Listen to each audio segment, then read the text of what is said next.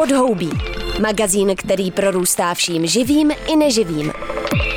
Prostor pro přírodu, ekologická témata a udržitelnou budoucnost. Podhoubí. To je útěk do divočiny Ondry Šebestíka na rádiu Wave. Nejdůležitější den pro planetu a vaše přežití je 30. října. Zaznívá sebevědomně ve videu serveru The New York Times, které se věnuje amazonskému pralesu v kontextu prezidentských voleb v Brazílii, ostatně jako dnešní podhoubí. Druhé kolo prezidentských voleb v Brazílii 30. října znamenalo těsné vítězství Lula da Silvy nad Jairem Bolsonárem.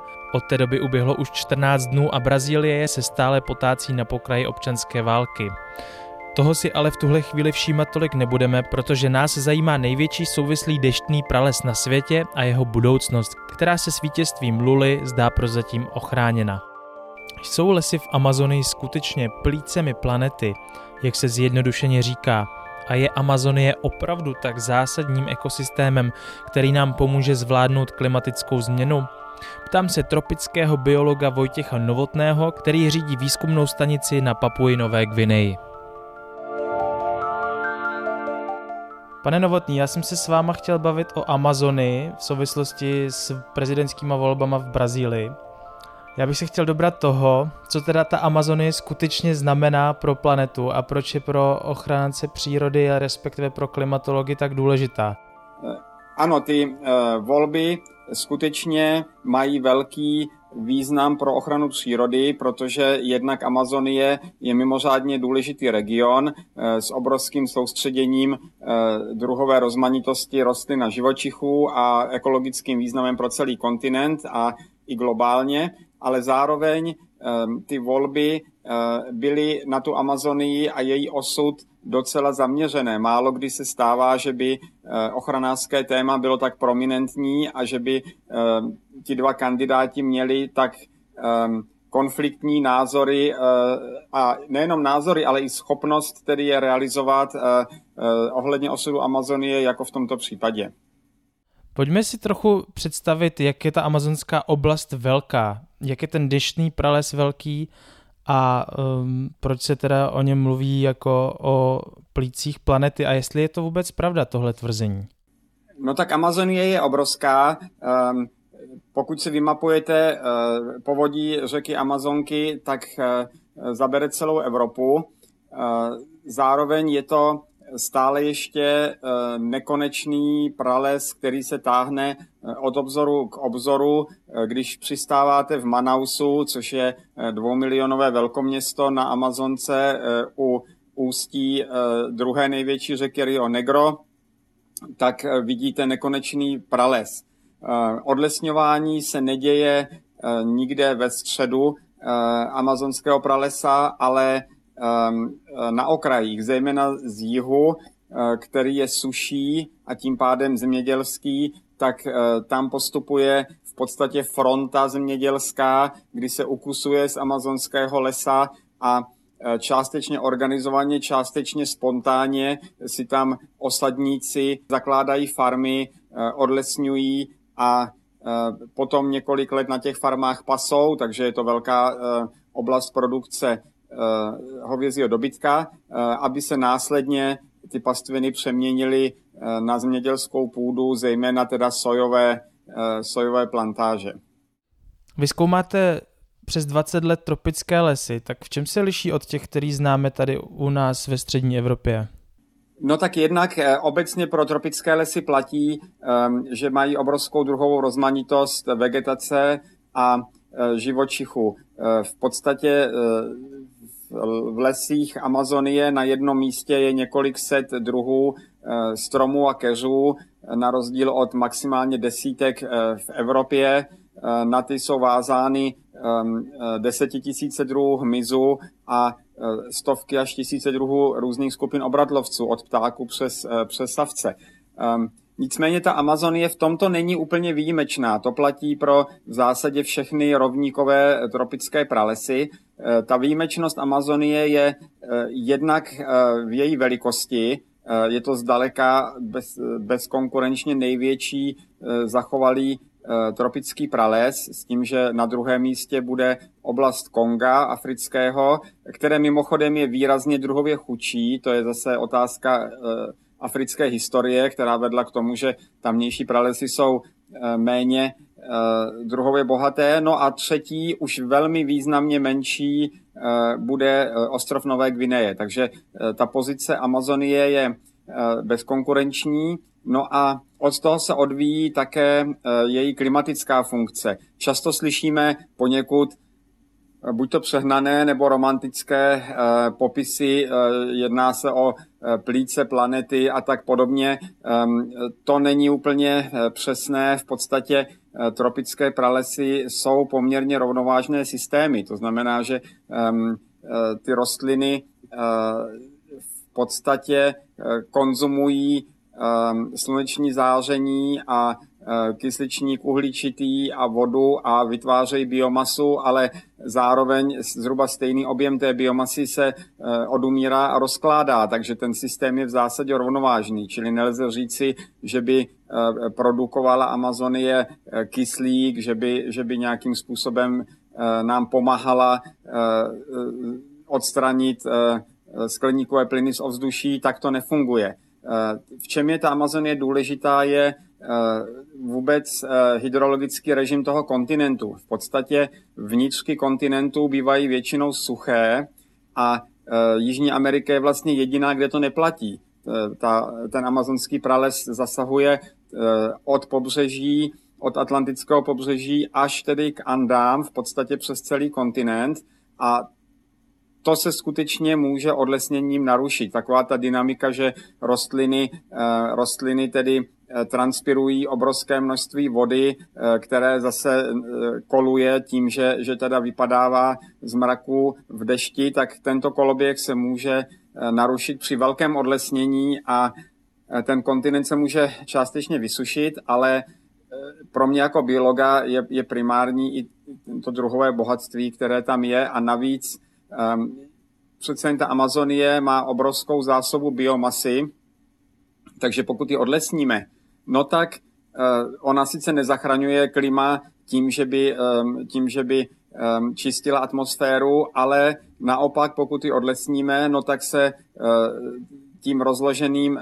dřevem, rozloženou biomasou a obnaženou půdou, která potom začne uvolňovat i to málo uhlíku, které i v té půdě je, povede tedy k velkým dávkám skleníkových plynů do atmosféry. Takže to je spíš ten význam klimatický. Ale jak říkám, všechny tyto klimatické historky pro mě jsou druhotné. Ta druhová rozmanitost rostlin a živočichů, to je to, co v té Amazonii běží. Ještě by mě zajímalo, jak probíhá to samotné odlesňování. Vy jste eh, mluvil o tom, že to je z jihu, z míst, kde je trochu suší ta Amazonie, takže se s nás přetváří na nějakou zemědělskou plochu. Eh, většinou jsou to pastviny. Eh, tak jakým způsobem se to vlastně odehrává? A třeba dejme tomu ty příklady z nedávné minulosti za vlády Jair Bolsonara. No tak Amazonie má totiž ještě jaksi zajímavou politickou historii, protože v Brazílii panuje jaksi dlouhodobá, řekl bych, paranoidní obava, že jim tu Amazonii někdo ukradne. A můžou to být buď to tedy sousedé, prostě Peruánci, Venezuela, Kolumbie, všechny ty, všechny ty sousední státy, a nebo dokonce Spojené státy.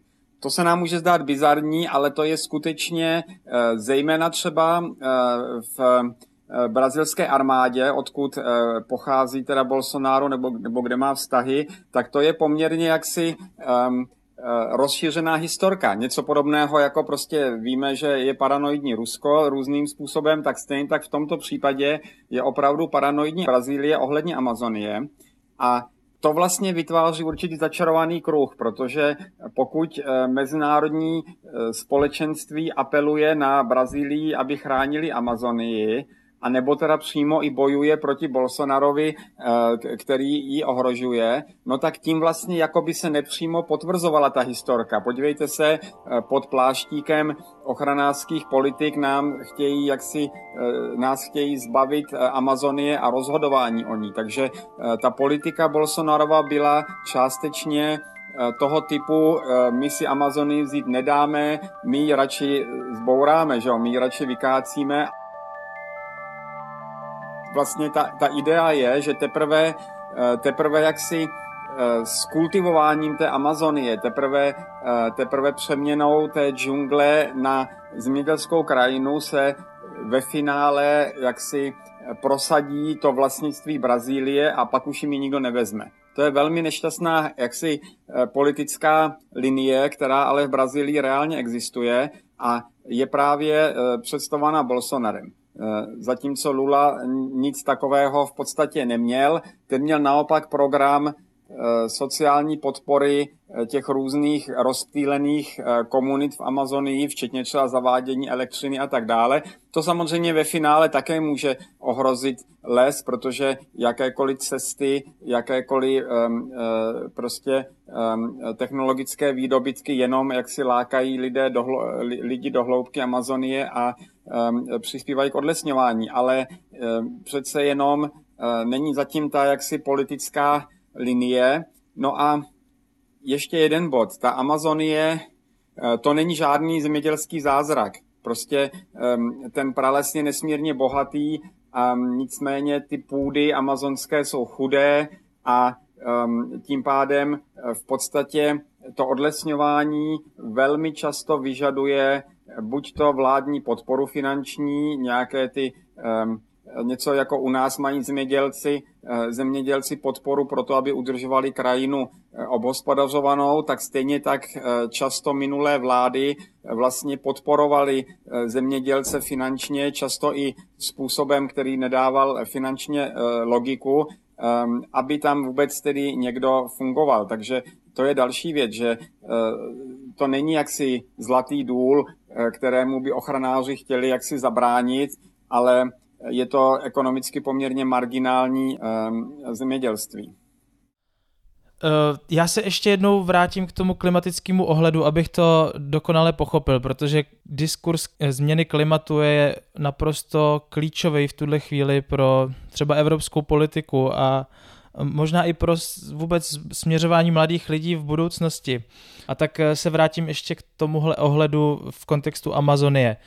Moje teda triviální představa by mohla vypadat, vy už jste ji teda trochu eh, vyvrátil, nicméně, že ten obrovský deštný les, který je velký jako celá Evropa, tak eh, nejenom, že vytváří kyslík, ale i ukládá oxid uhličitý nějak do své biomasy, potažmo do půdy.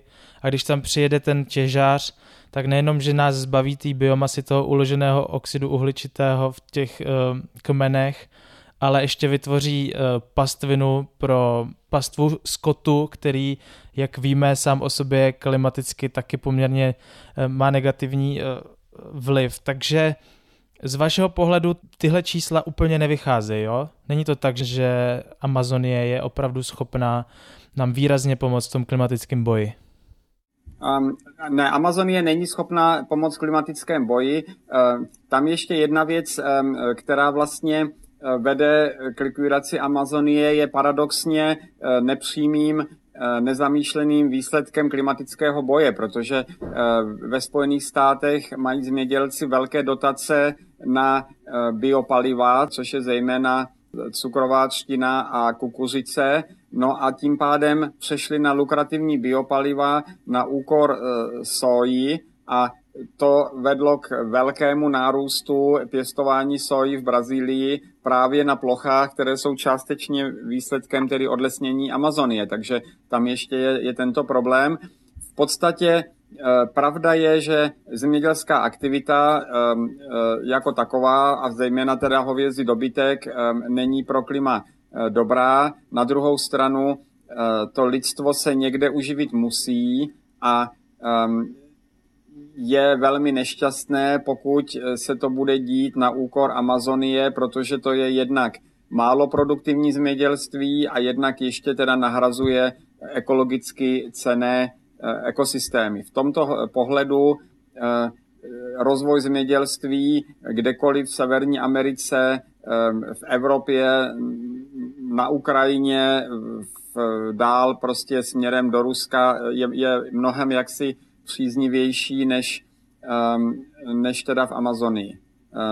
Samozřejmě musíme se nahlížet na, na celou situaci i politicky, takže není možné prohlásit, že tropické země mají zakázáno e, zemědělství, protože mají vysokou biodiverzitu, takže já jak si přijímám to, že pochopitelně Brazílie nějakým způsobem chce a potřebuje produkovat zemědělské plodiny. Je to nakonec země s velkou populací, ale zároveň tedy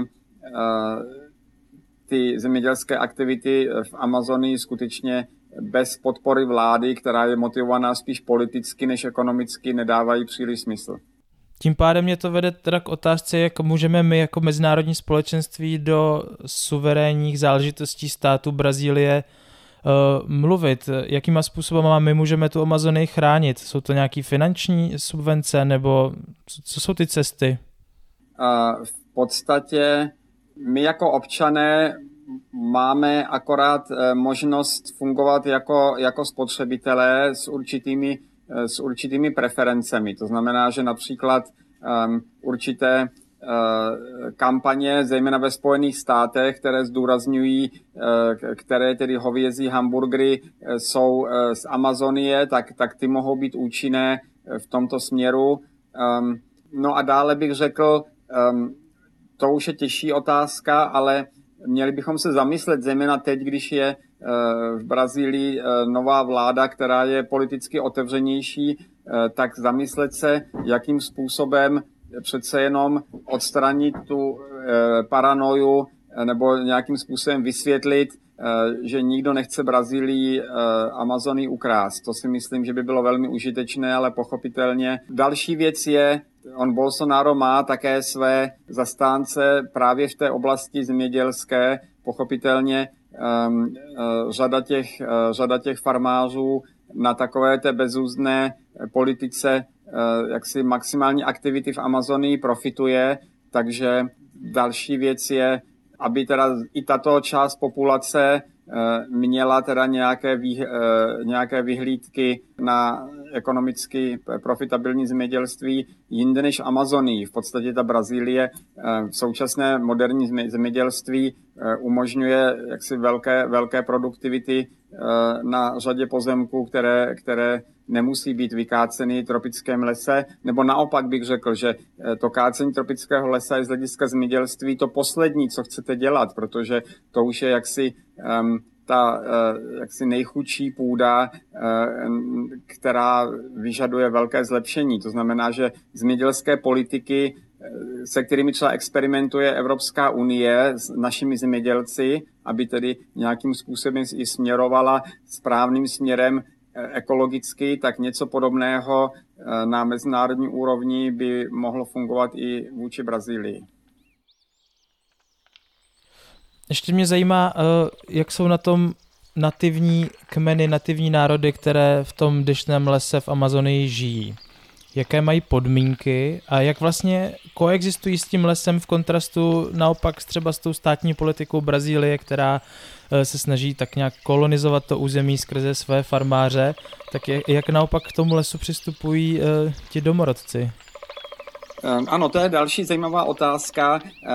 Tam žije velký počet, velký počet domorodých kmenů v různých podmínkách a e, také se liší jejich e, vztah k vládě a vůbec jaksi k okolnímu světu.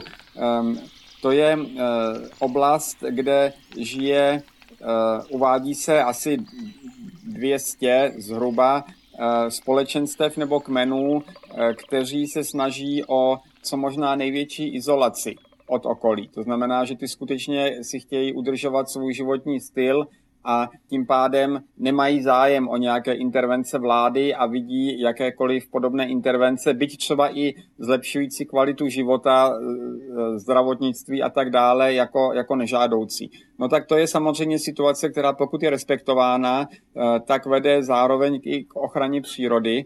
Je to e, ale poměrně neobvyklá situace, například Eh, podobné domorodé kmeny na Nové Gvineji, kde mohu mluvit také ze zkušenosti, eh, takovéto názory prakticky nikdy nemají. Ty se naopak snaží nějakým způsobem eh, ty svoje tradice skombinovat s, moderním, s moderní společností. Zatímco v té Brazílii část kmenů ano, má podobné zájmy, a část ovšem je izolacionistická. Takže do jaké míry jsou ovšem respektováni a e, jejich tedy nároky na pozemky uznávány, to je, velký, to je velmi kontroverzní téma. Často se dozvídáme z Brazílie jo, různé příběhy o kontroverzích, bojích proti lidem, kteří pronikají do lesa e, jako usedlíci zemědělští nebo kteří e, tam chtějí rejžovat zlato a v podstatě má to negativní vliv na tyto domorodé kmeny, takže do jaké míry mají být respektováni a eh, tím pádem i ten les